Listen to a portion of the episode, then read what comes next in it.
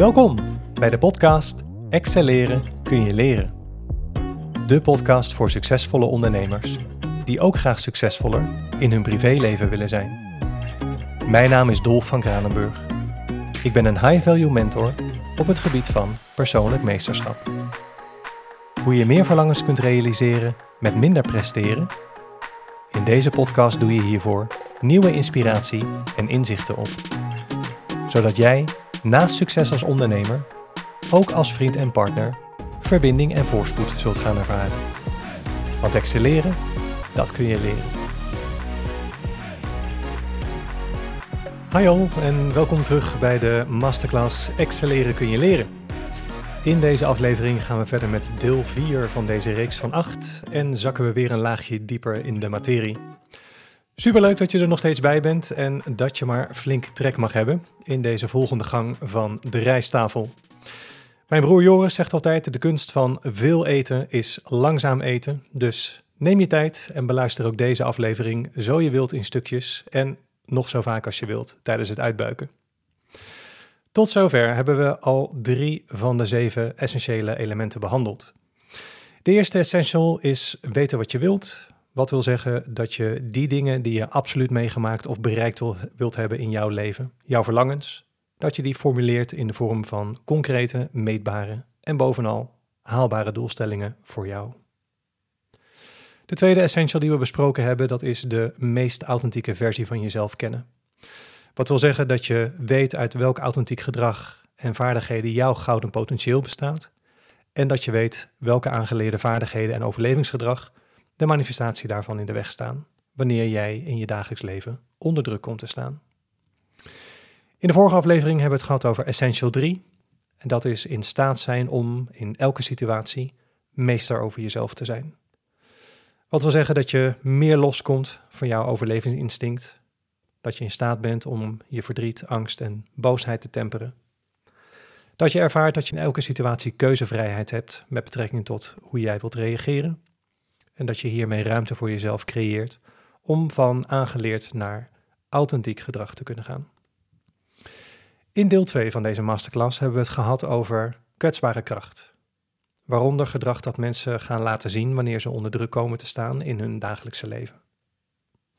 Vanuit hoe jouw onderbewuste drijfveren georganiseerd zijn, heb jij als individu een onbewuste voorkeur voor de manieren waarop jij in je dagelijks leven omgaat met druk in stressvolle situaties. In deel 3 hebben we het vervolgens gehad over ladingen, die dat uh, onbewuste voorkeursgedrag vastzetten en in stand houden in de vorm van steeds terugkerende patronen, waarin je dan weer een bepaald thema kunt gaan herkennen, die als een rode draad door je leven loopt. Ladingen hebben in de eerste plaats ook een sterke invloed op de gevoelens die je ervaart, doordat de emoties die hierin besloten liggen, in beweging komen zodra een lading wordt getriggerd. En als gevolg van de mentale shock en door de belemmerende overtuigingen en negatieve gedachten, die eventueel nog als een mentaal deel in de lading besloten kunnen liggen, dan treedt er op dat moment ook een tijdelijke vernauwing van je bewuste denkvermogen op. Jouw subjectieve werkelijkheid, wat een mooie uitdrukking is voor de unieke, individuele manier waarop jij iets beleeft, die wordt dan ook sterk gekleurd door ladingen omdat deze als sterke filters werken op hoe jij een situatie waarneemt. In het bijzonder op hoe jij de rol van jezelf, de omgeving en eventuele anderen in deze situatie beleeft. Ladingen die raken dus zowel je gevoelens, je denken en je overtuigingen. En jouw overtuigingen dragen bij aan wat je gelooft over jezelf, over een ander, over de omgeving en over de situatie. Ze dragen bij aan hoe jij beleeft aan wat voor jou de waarheid is. Jouw waarheid. Dit heeft dan ook weer invloed op jouw beleving van hoe je in verbinding bent. Met jezelf, met anderen en in het moment. En in dit vierde deel draaien we een volgende zijde van de Rubik's kubus naar voren toe. En gaan we een essentiële laag bestuderen die tevoorschijn komt wanneer we voorbij gaan aan het basisafweermechanisme op ladingen, waarover het in deel 3 gehad hebben. En we komen dan vervolgens op een laag waarin de gezonde verbinding centraal staat. Het gaat in deze laag om een drietal verbindingen die we in dit deel achtereenvolgens zullen gaan bespreken. De eerste verbinding die gaat over hoe je er mag zijn in verbinding naar anderen toe. En deze wordt liefde in verbinding met anderen genoemd. De eerste relatie van betekenis die wij als mensen in ons leven hebben, dat is de relatie met onze biologische ouders. En als we dan nog eens nader inzoomen op de blauwdruk van de psyche, waarin we eerder al de onderbewuste drijfveren tegenkwamen, dan vinden we hierin ook een ander element. Dat wat we in mijn visie en werkwijze de koppelingen van liefde noemen. Ieder mens heeft in de psyche een tweetal koppelingen van liefde. De ene is de positieve koppeling van liefde en de andere is de negatieve koppeling van liefde. De positieve koppeling van liefde wordt gevormd door de mate waarin je van je ouders onvoorwaardelijke liefde krijgt. Wat onder andere betekent dat je er mag zijn, dat je gezien en gehoord wordt en dat je goed bent zoals je bent. Vanuit deze onvoorwaardelijke liefde ontstaat de positieve koppeling van liefde. En daarbij wordt liefde gekoppeld aan verbinding. De negatieve koppeling van liefde wordt gevormd door de mate waarin je van je ouders geen of voorwaardelijke liefde krijgt. Wanneer je er niet mag zijn, of als liefde alleen onder bepaalde voorwaarden gegeven wordt. Bijvoorbeeld als een beloning wanneer je daarvoor eerst een prestatie levert. De negatieve koppeling van liefde komt in vier verschillende varianten voor, die ik eerst zal noemen en daarna geef ik van elke variant ook een voorbeeld. De eerste variant is liefde gekoppeld aan prestatie. De tweede variant is liefde gekoppeld aan afwijzing. De derde variant is liefde gekoppeld aan prestatie en afwijzing. En dan is er tenslotte ook nog liefde gekoppeld aan afwijzing en prestatie. De eerste variant ontstaat wanneer liefde in jouw gezin van herkomst voorwaardelijk gegeven wordt. Je moet eerst iets doen, bijvoorbeeld je aanpassen, geen aandacht vragen, goed je best doen op school, misschien voor je ouders zorgen. En pas daarna mag je er zijn en word je gezien en gehoord. Als dit een herhalend patroon is, dat in jouw gezin van herkomst nadrukkelijk op de voorgrond staat, dan leer je dat liefde niet vanzelfsprekend is. Je moet eerst iets doen en pas dan krijg je liefde. Vanuit dit patroon wordt liefde gekoppeld aan prestatie en zo wordt deze variant van de negatieve koppeling, terwijl je opgroeit, verder opgebouwd en versterkt. Helaas zijn er ook mensen onder ons die opgroeien in een gezin waarin geen liefde is. Liefde wordt daar niet of nauwelijks gegeven. En in plaats daarvan worden mensen telkens afgewezen, verwaarloosd of zelfs mishandeld. Als dit een herhalend patroon is dat in jouw gezin van herkomst nadrukkelijk op de voorgrond staat, dan leer je dat er voor jou geen liefde is. Vanuit dit patroon wordt liefde gekoppeld aan afwijzing en zo wordt deze variant van een negatieve koppeling terwijl je opgroeit verder opgebouwd en versterkt. En van die eerste twee negatieve koppelingen zijn ook nog combinaties mogelijk. De derde variant ontstaat wanneer liefde voorwaardelijk gegeven wordt, je daarvoor eerst een prestatie moet leveren en dat vervolgens blijkt dat die prestatie niet goed genoeg is. Bijvoorbeeld, je hebt een toetsweek gehad en je komt thuis met drie zessen. Alles is voldoende. Maar hoe je ouders reageren is, waarom zijn het geen drie negens? Want dat kun jij tenslotte best. Als dit een herhalend patroon is dat in jouw gezin van herkomst nadrukkelijk op de voorgrond staat, dan leer je dat liefde niet vanzelfsprekend is en dat wat je doet om liefde te kunnen krijgen nooit goed genoeg is.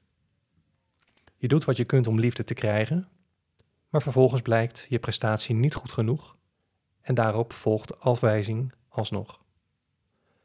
Vanuit dit patroon wordt liefde gekoppeld aan prestatie en afwijzing. En zo wordt deze variant van de negatieve koppeling, terwijl je opgroeit, verder opgebouwd en versterkt. En de vierde variant, liefde gekoppeld aan afwijzing en prestatie, ontstaat wanneer mensen die in de basis steeds afgewezen worden, vervolgens op een negatieve manier aandacht gaan vragen. Bijvoorbeeld, als er voor jou kennelijk geen liefde is, dan is negatieve aandacht de hoogst haalbare vorm van liefde die je kunt krijgen.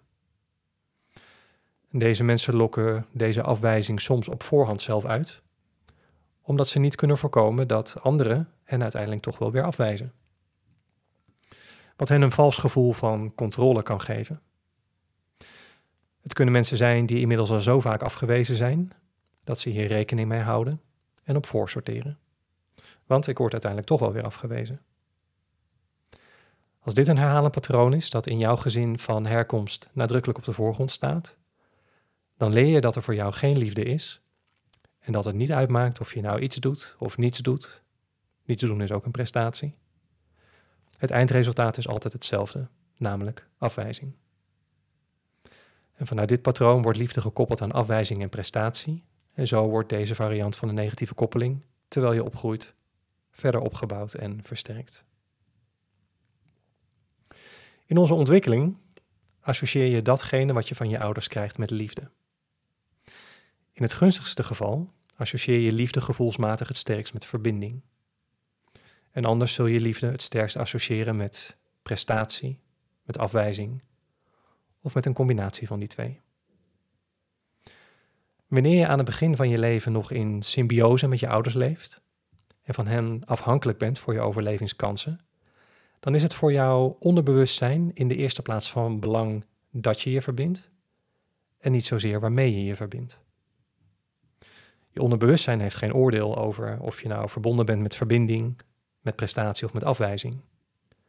In tegenstelling tot je bewuste denken, die in jouw dagelijks leven te maken krijgt met de gevolgen van waarmee liefde bij jou het sterkst is verbonden. En als volwassene ben je onbewust op zoek naar datgene wat jij gevoelsmatig kent als liefde. In die eerste relatie van betekenis die wij in ons leven hebben, die met onze ouders, die heeft dan ook veel invloed op alle latere relaties in ons leven. En in het bijzonder op de manier waarop wij als volwassenen in staat zijn om ons met anderen te kunnen verbinden. Denk hierbij aan de relatie met familie, vrienden, partners en ook aan de interactie met je klanten, medewerkers en kennelijke voorbijgangers in het leven. Wanneer de positieve koppeling van liefde krachtig genoeg is, dan kan deze de negatieve koppeling van liefde compenseren. Wat betekent dat jij in jouw dagelijks leven in staat bent om gezonde verbindingen met anderen op te bouwen en die te kunnen onderhouden. Je creëert dan gezonde relaties met anderen die zich kenmerken door verbinding en die gelijkwaardig zijn aan elkaar. Als de positieve koppeling van liefde echter niet krachtig genoeg is, en de negatieve koppeling van liefde is daardoor krachtiger, dan zal de negatieve koppeling van liefde in jouw dagelijks leven de overhand hebben. Je creëert dan relaties die gebaseerd zijn op voorwaardelijkheid, waarin prestatie en of afwijzing centraal staan. Hierin is sprake van een mate van ongelijkwaardigheid en ze worden daarom ook vaak als pijnlijk ervaren. En als je nu luistert, dan heb je wellicht bij jezelf of bij iemand die je kent de variant van de negatieve koppeling van liefde al herkend, die in jouw leven of in dat van de ander het sterkst naar voren toe komt. En als dat nog niet zo is, dan is dat ook helemaal prima. Kijk eens wat er voor inzichten bij je opkomen als je dat iets meer tijd en aandacht geeft.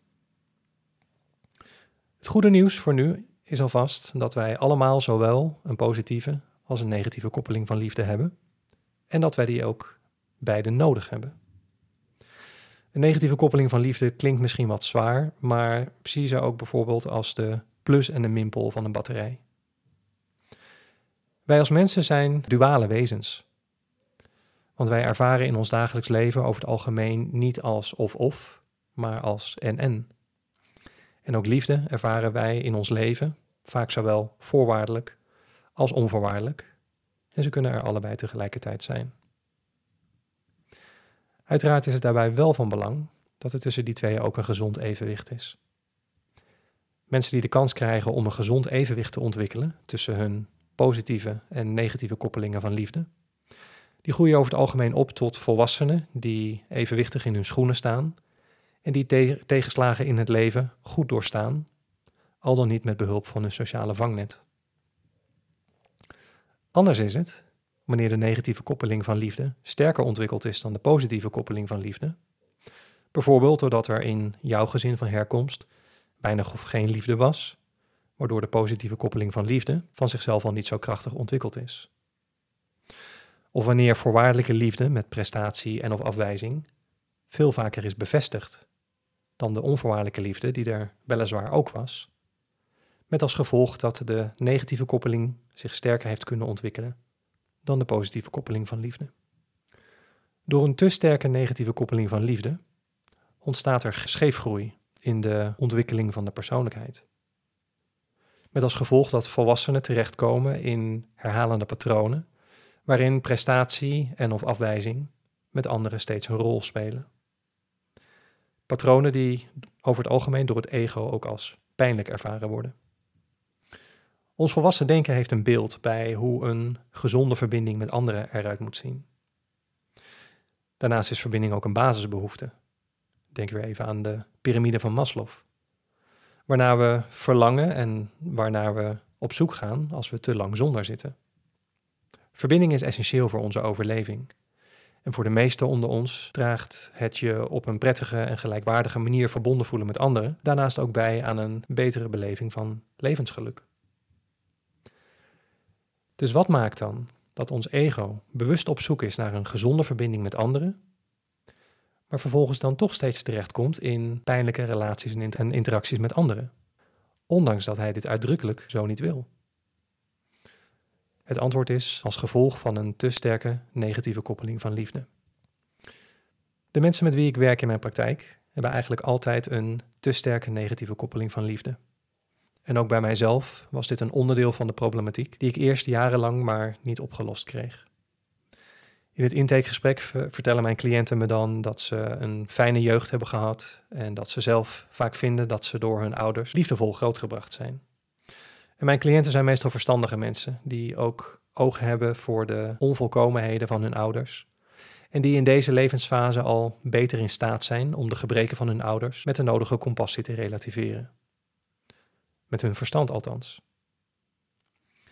Want wanneer ik dan met hen vervolgens de diepte inga, dan komen toch de patronen naar voren die het gevolg zijn van dat deze persoon zich al als kind gekwetst heeft gevoeld door het gedrag van één of van beide ouders dat iemand binnen zijn of haar eigen subjectieve werkelijkheid als pijnlijk heeft ervaren. Vaak heeft de ene ouder iets gedaan en de andere ouder iets nagelaten om mijn cliënt hiertegen te beschermen. Of hebben beide ouders op hun eigen manier herhaaldelijk iets gedaan dat voor deze persoon pijnlijk was en waarbij hij of zij zich machteloos heeft gevoeld om dat te kunnen stoppen of om dat te kunnen veranderen. En als luisteraar van de voorgaande delen weet jij intussen wat de gevolgen zijn van situaties waarin emoties naar voren toe komen en waarbij de persoon in kwestie niet in staat is om ze goed te verwerken. Dit leidt tot nieuwe ladingen. De mensen met wie ik werk ervaren in hun dagelijks leven meestal ook dat hun verstand en gevoel niet op één lijn zitten. Wat komt door dat wat ze weten versus dat wat ze daadwerkelijk voelen, telkens verstoord raakt wanneer hun ladingen triggeren. En die dingen die gevoelsmatig nog niet opgelost zijn in de relatie met onze ouders, die worden vaak één op één voortgezet in onze latere relaties met anderen. Onze ouders zijn onze natuurlijke autoriteiten. Onze werkgevers, opdrachtgevers en ook de overheid zijn onze functionele autoriteiten. Vanuit je gevoel bezien is autoriteit echter autoriteit. En dit maakt dus ook dat mensen op de werkvloer in allerlei perikelen terechtkomen waarin dezelfde patronen van zich niet gezien, niet gehoord, niet gewaardeerd, niet serieus genomen, etc. een rol spelen. Perikelen die in de basis exact dezelfde dynamiek hebben als hoe dit er in hun ouderlijke huis aan toe ging.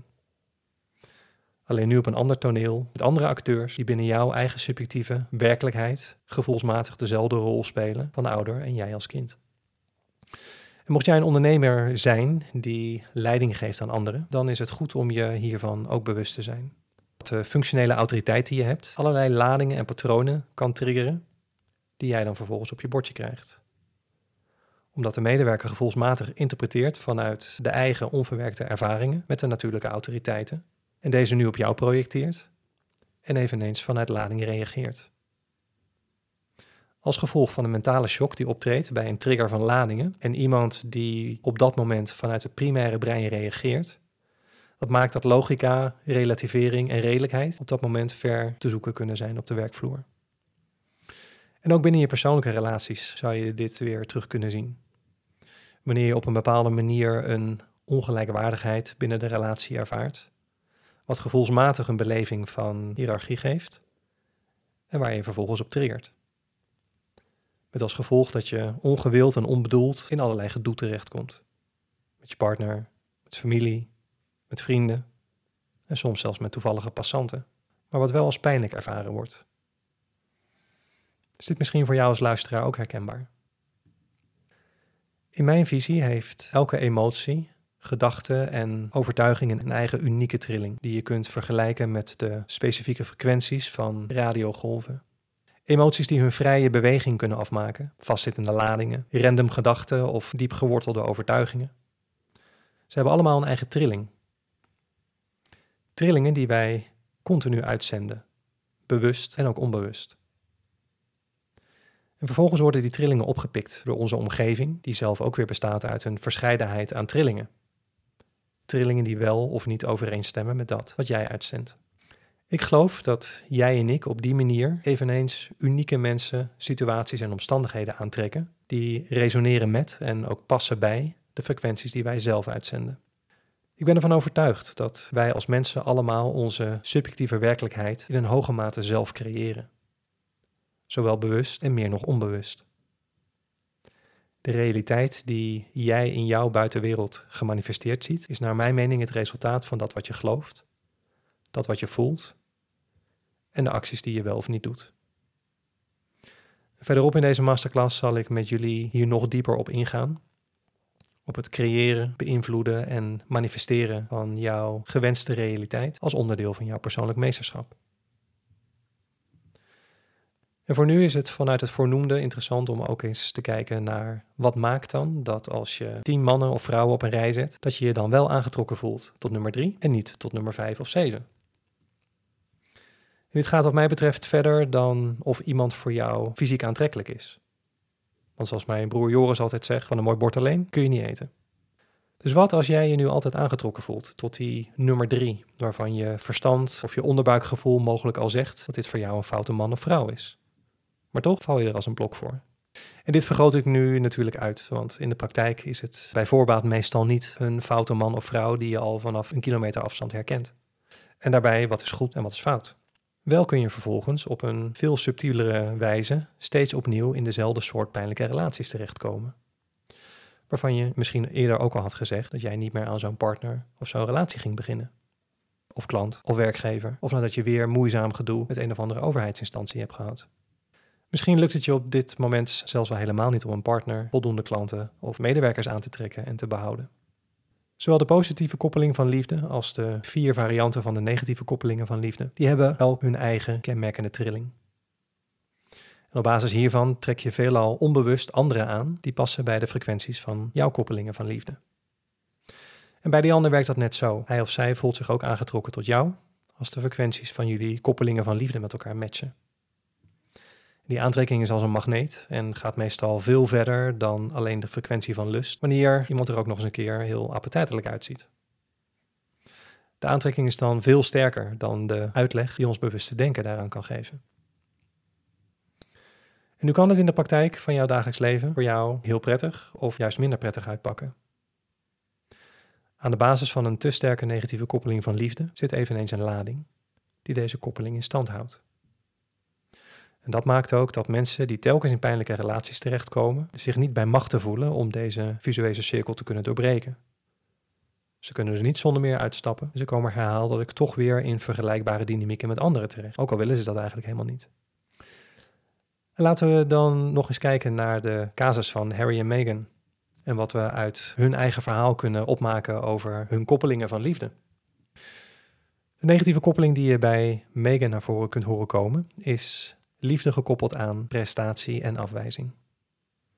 In het hoor je als Megan vertelt dat ze op de basisschool ervoor koos om de slimme en niet de knappe te zijn. Ze kiest hierbij duidelijk voor prestatie, maar vervolgens wordt ze op school gepest. Wanneer bekend wordt dat ze Harry's nieuwe vriendin is, dan kiest ze in eerste instantie voor om vriendelijk tegen de pers te zijn. Maar de pers wrijft haar vervolgens de grond in. En haar prestatie richting de koninklijke familie is, is dat elke versie van haar er alles aan doet om erin te passen. Maar vervolgens beschermt het instituut haar niet tegen wat de pers over haar blijft schrijven. En wat Meghan ook doet om de harmonie te bewaren, de pers blijft haar met een racistische ondertoon de grond inschrijven. Een deel van de Engelse bevolking gaat daarin mee en wijst haar ook af. En in haar waarheid ervaart ze dat ze binnen de koninklijke familie nooit werkelijk geaccepteerd zal worden. Als we dan kijken naar Harry, dan is de negatieve koppeling van liefde die we bij hem naar voren kunnen horen komen, eveneens liefde gekoppeld aan prestatie en afwijzing. Je kunt hem onder andere horen zeggen dat zijn prestatie is het veilig houden van zijn gezin vanuit plichtsgevoel. En vervolgens slaagt hij daar onvoldoende in, wat blijkt dat hij en zijn gezin tot op de dag van vandaag doodsbedreigingen ontvangen en dat zijn gezin vooralsnog niet zonder beveiliging kan. Een andere prestatie die hij moet leveren om liefde te krijgen is dat hij er mede voor moet zorgen dat het Engelse Koningshuis massale steun van de bevolking blijft krijgen. En dat hij mede voor gunstige publiciteit moet zorgen. En dat Harry daar keer op keer niet in slaagt, kun je onder andere terughoren in de reacties op zijn uitspattingen met drugs tijdens zijn studententijd, de reacties op het nazi-uniform waarin hij naar een feestje toe kwam, uit uh, reacties op het neerleggen van zijn koninklijke taken en de meest recente reacties op zijn autobiografie, waarin hij onder meer vertelt over de mensen die hij tijdens zijn uitzendingen heeft gedood. Tot zover de eerste verbinding in deze laag. De tweede verbinding in deze laag gaat over hoe je er mag zijn in verbinding naar jezelf toe. En deze wordt liefde in verbinding met jezelf genoemd. In onze ontwikkeling van een vrij kind tot een evenwichtige volwassene is het van essentieel belang dat ook ons zelfbeeld, zelfvertrouwen en gevoel van eigenwaarde de kans krijgen om zich op een gezonde manier te kunnen ontwikkelen. Wanneer onvoorwaardelijke liefde in ons ouderlijke huis de overhand heeft, dan leren we dat we er mogen zijn, dat we mogen zijn wie we zijn, dat we goed zijn zoals we zijn, waarbij we gezien en gehoord worden en we worden op een positieve manier bevestigd en aangemoedigd. En dit draagt bij aan de ontwikkeling van een positief zelfbeeld, voldoende zelfvertrouwen en een krachtig gevoel van eigenwaarde. Wanneer de gegeven liefde echter vaker voorwaardelijk gegeven is, dan komt de ontwikkeling van ons zelfbeeld, zelfvertrouwen en gevoel van eigenwaarde, terwijl we verder opgroeien, onder druk te staan van een te sterke negatieve koppeling van liefde. De herhalende patronen waarin eerst een prestatie geleverd moet worden om liefde te krijgen en de herhaaldelijke afwijzing van één of van beide ouders, leiden in meer of mindere mate tot een minder positief of zelfs laag zelfbeeld, een verminderd zelfvertrouwen en een lager of zelfs geen gevoel van eigenwaarde. Als gevolg van de manier waarop het opgroeiende kind het gevoel heeft er wel of niet te mogen zijn, gaat een kind binnen zijn of haar eigen subjectieve werkelijkheid oordelen vormen. Oordelen over hoe hij of zij zichzelf ziet, oordelen over de mate van vertrouwen die hij of zij in zichzelf kan hebben en oordelen over wat hij of zij kennelijk waard is voor zichzelf en voor anderen. In het gunstigste geval gaan deze oordelen over zichzelf gepaard met gevoelens van verbinding, blijdschap en geluk. Maar vaak gaan ze ook gepaard met gevoelens van verdriet, boosheid en angst. Een kind dat zich in het gezin van herkomst herhaaldelijk machteloos voelt om op te staan tegen de natuurlijke autoriteiten en in de voorwaardelijkheid van prestatie en afwijzing wel pijn ervaart, Bijvoorbeeld doordat een ouder laat merken dat hij of zij het niet goed doet of dat hij of zij niet goed genoeg is. Dat kind creëert dan als gevolg daarvan weer nieuwe ladingen. En dit gaat hand in hand met het ontstaan wat we in mijn visie en werkwijze de meest agressieve vorm van boosheid noemen. De meest agressieve vorm van boosheid is zelfveroordeling en zelfverwijt. Zelfveroordeling en zelfverwijt worden de meest agressieve vorm van boosheid genoemd, omdat het ego zich hiertegen niet kan verdedigen. Want in de subjectieve werkelijkheid van jouw denken is elk oordeel over jezelf en elk zelfverwijt de waarheid. Omdat je dit zo voelt en beleeft, is je denken niet in staat om dat te kunnen weerleggen. Zelfs al weet je rationeel dat het niet zo is, of als anderen dit tegen je zeggen, dan nog voelt een oordeel over jezelf als de waarheid voor jou. Deze zelfveroordelingen en zelfverwijten zijn vervolgens eveneens vast komen te zitten in ladingen. En elke keer dat je hierop treert, veroordeel je jezelf vanuit de lading. Het feit dat de lading vastzit, maakt opnieuw dat je niet zomaar even kunt stoppen met jezelf te veroordelen. Het is geen kwestie van alleen liever tegen jezelf praten. Niet kunnen stoppen met jezelf te veroordelen is een destructief patroon. omdat dit op de lange termijn de veerkracht van je ego ondermijnt. Met elke zelfveroordeling geef je jezelf als het ware een stomp in je gezicht en je ego kan zichzelf hiertegen niet verdedigen. En je ego kan niet voorkomen dat de ladingen waardoor je jezelf veroordeelt, dat die triggeren in je dagelijks leven. Een ego dat zijn veerkracht verliest, zal in toenemende mate moeite gaan krijgen met het in de lucht houden van alle ballen en verantwoordelijkheden. Zelfveroordeling zaagt net zo lang aan de poten van een veerkrachtig ego, zodat je ego door de bodem zakt. En dat is het moment dat je bijvoorbeeld in een burn-out glijdt. In het volgende deel van deze masterclass zullen we zien dat de ontwikkeling van een gezond zelfbeeld, mate van zelfvertrouwen en gevoel van eigenwaarde ook nog flink onder druk kan staan van een ander essentieel element dat we in deel 5 gaan bespreken. Maar laten we eerst eens luisteren wat Harry en ons vertellen over hun zelfveroordelingen. En Megan vertelt ons het nodige over hoe haar zelfbeeld, zelfvertrouwen en gevoel van eigenwaarde ontwikkeld zijn als gevolg van onvoldoende succesvol zijn in de prestatie om liefde te krijgen. In de context van haar afkomst noemt ze zichzelf onder andere een minderheid. Ze past voor haar gevoel in geen enkel hokje. En ze vraagt zich steeds af: wat is er toch mis met mij? Ze oordeelt dat ze als kind niet knap is. En na de aanhoudende afwijzing van de media oordeelt ze zelf dat het maar beter zou zijn als ze er niet meer is en een eind aan haar leven zou maken. En ze benoemt dat de leugens van de pers haar alles afgenomen heeft: haar zelfbewustzijn en haar zelfvertrouwen. En ook de ontwikkeling van Harry's zelfbeeld, zelfvertrouwen en gevoel van eigenwaarde lijkt een flinke knauw gekregen te hebben als gevolg van onvoldoende succesvol zijn in het presteren om liefde te krijgen. Bijvoorbeeld de titel die hij voor zijn boek kiest, Reserve, is veelzeggend over zijn subjectieve beleving van het altijd op de tweede plaats te zijn gekomen na zijn broer die de kroonprins is. En als Meghan suïcidale gedachten krijgt, dan zegt hij achteraf hierover toen te hebben gereageerd vanuit het instituut met de focus op het nakomen van de verplichtingen die ze daarin hebben en niet te hebben gereageerd als haar man. En dan zegt Harry, ik haat mezelf hierom. Tot zover over de tweede verbinding in deze laag. De derde verbinding in deze laag tenslotte, die gaat over hoe je er mag zijn in verbinding met het moment. En deze wordt liefde in verbinding met het hier en nu genoemd. En de hoofdrol spelen hierin is ons bewuste denken, ofwel het ego. Wat velen van ons graag nastreven, is dat we in staat zijn om meer in het moment te kunnen zijn, zonder hierbij weg te gaan. Zodat we echt aanwezig zijn in het moment en daar optimaal van kunnen genieten, in verbinding met onszelf en met anderen die belangrijk voor ons zijn. De realiteit is helaas ook dat we vaak nog te veel bezig zijn met dat wat de toekomst wel of niet gaat brengen, of dat we nog in het verleden leven met dat wat we tot op heden nog niet hebben kunnen loslaten. Je ego is de ervaringsdeskundige van jouw leven en beleeft de waarheid van jouw subjectieve werkelijkheid. Hierbinnen kan jouw ego herhaaldelijk te maken krijgen met pijn, zowel als gevolg van een te sterke negatieve koppeling van liefde en ook met de pijn die het gevolg kan zijn van zelfveroordeling en zelfverwijt. Het ego kan daarnaast ook nog eens te maken krijgen met de mentale shocks die naar voren toe komen, die hem buitenspel zetten wanneer ladingen worden getriggerd. En in deel 1 heb ik jullie verteld dat een kenmerk van je denken is dat het ego ervaart door tijd.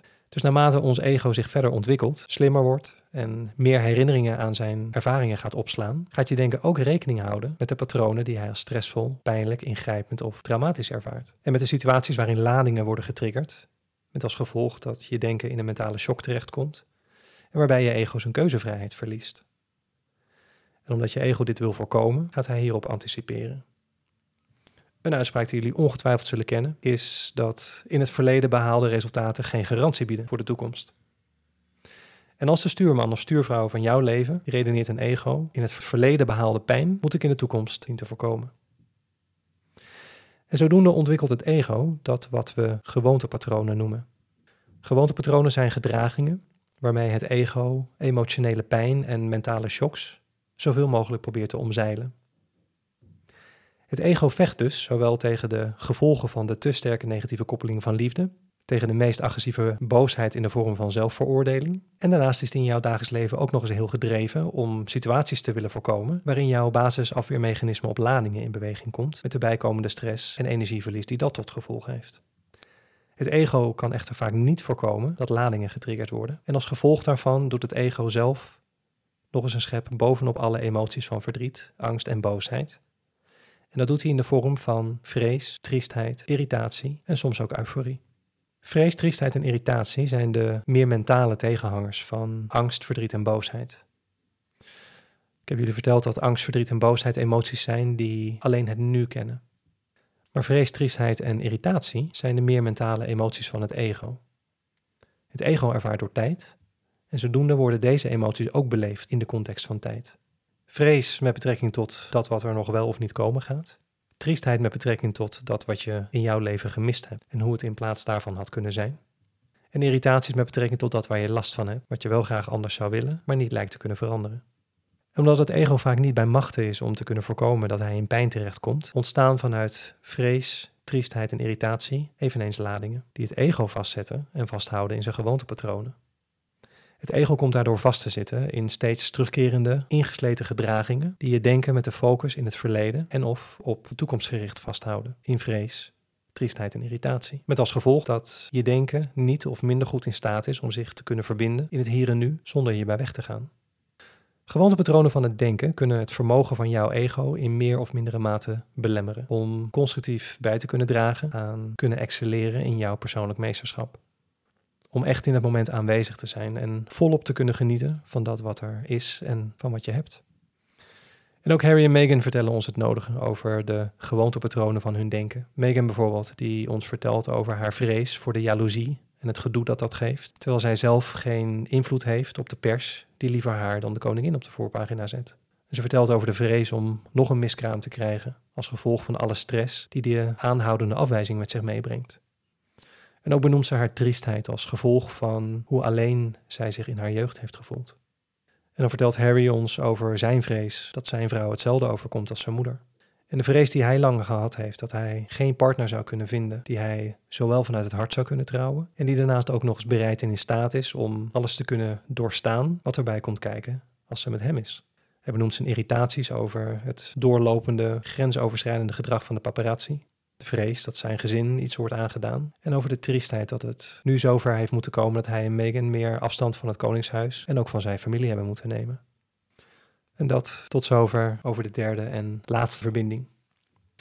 Dus dit deel samenvattend, de vierde essential is hoe jij er mag zijn in liefde. En de mate waarin je in staat bent om gezonde verbindingen te kunnen opbouwen en die te kunnen onderhouden. Wat concreet betekent dat je op een gezonde manier met jezelf in verbinding bent. Dat je op een gezonde manier in verbinding met anderen bent. En dat je in staat bent om zoveel mogelijk in verbinding te zijn en te leven met het hier en nu. En wat ik veel mensen zie doen, is dat ze kiezen voor coaching en gesprekken die zijn gericht op het aanpakken van losse onderdelen van hun problematiek. Bijvoorbeeld het verwerken van een specifieke ingrijpende levenservaring, emotieregulatie, het opbouwen van meer eigenwaarde en zelfvertrouwen, verwerken van een pijnlijke relatie die is uitgelopen op een scheiding. Of op het vinden van manieren om een piekerend denken te kalmeren. Naar mijn mening is het niet voldoende om je alleen te focussen op de behandeling van één zo'n element. Wat mijn ervaring is, is dat als één van deze verbindingen verstoord is, dat ook de twee andere verbindingen niet in evenwicht zijn. En als je streeft naar een duurzame oplossing voor een probleem met resultaten die blijvend zijn, dan is het nodig om de gehele oorzaak aan te pakken en niet alleen één stukje. Want als de twee andere verbindingen niet ook meteen aangepakt worden, dan is het een kwestie van tijd voordat ook de verbinding die je al behandeld hebt weer aangetast wordt door de twee andere die dan nog steeds uit evenwicht zijn. Wat betekent dat je na verloop van tijd weer terug bij af bent. En ik werd door een luisteraar van deze masterclass op eh, Instagram geattendeerd op een online evenement dat in de week dat deze podcastaflevering gelanceerd wordt ook plaatsvindt waarin Harry in gesprek gaat met uh, dokter Gabor Maté. En hij is een spreker en auteur op het gebied van trauma, ziekte en het hele binnen giftige culturen. En ik kan je nu al voorspellen dat ladingen en een te sterke negatieve koppeling van liefde hierin niet als zodanig benoemd zullen gaan worden. Simpelweg omdat deze manier van naar problematiek kijken in de reguliere hulpverlening nog bijna geheel onbekend is. Hooguit dat de dynamiek van ladingen en van de te sterke negatieve koppeling van liefde herkend wordt als bewegingen binnen de hele problematiek van Harry. Ik verwacht dat vervolgens niet besproken wordt hoe dit dan op een werkelijk duurzame manier opgelost kan worden. Een oplossing die ik jullie verderop in deze masterclass overigens wel ga aanreiken. Want ook de te sterke negatieve koppeling, zelfveroordelingen en de gewoontepatronen van je denken zitten dus vast in ladingen. En die ladingen kunnen in je dagelijks leven telkens getriggerd worden. Dit maakt ook dat je met bewustwording hiervan alleen er nog niet meteen uit kunt stappen. Hoe je hier wel bij kunt komen en hoe je dit ook kunt uitschakelen, daar kom ik in het sluitstuk van deze masterclass op terug en dan ga ik hier ook dieper op in. Maar daarvoor moeten we eerst nog iets verder de diepte ingaan, want elke boom heeft ook nog een wortel.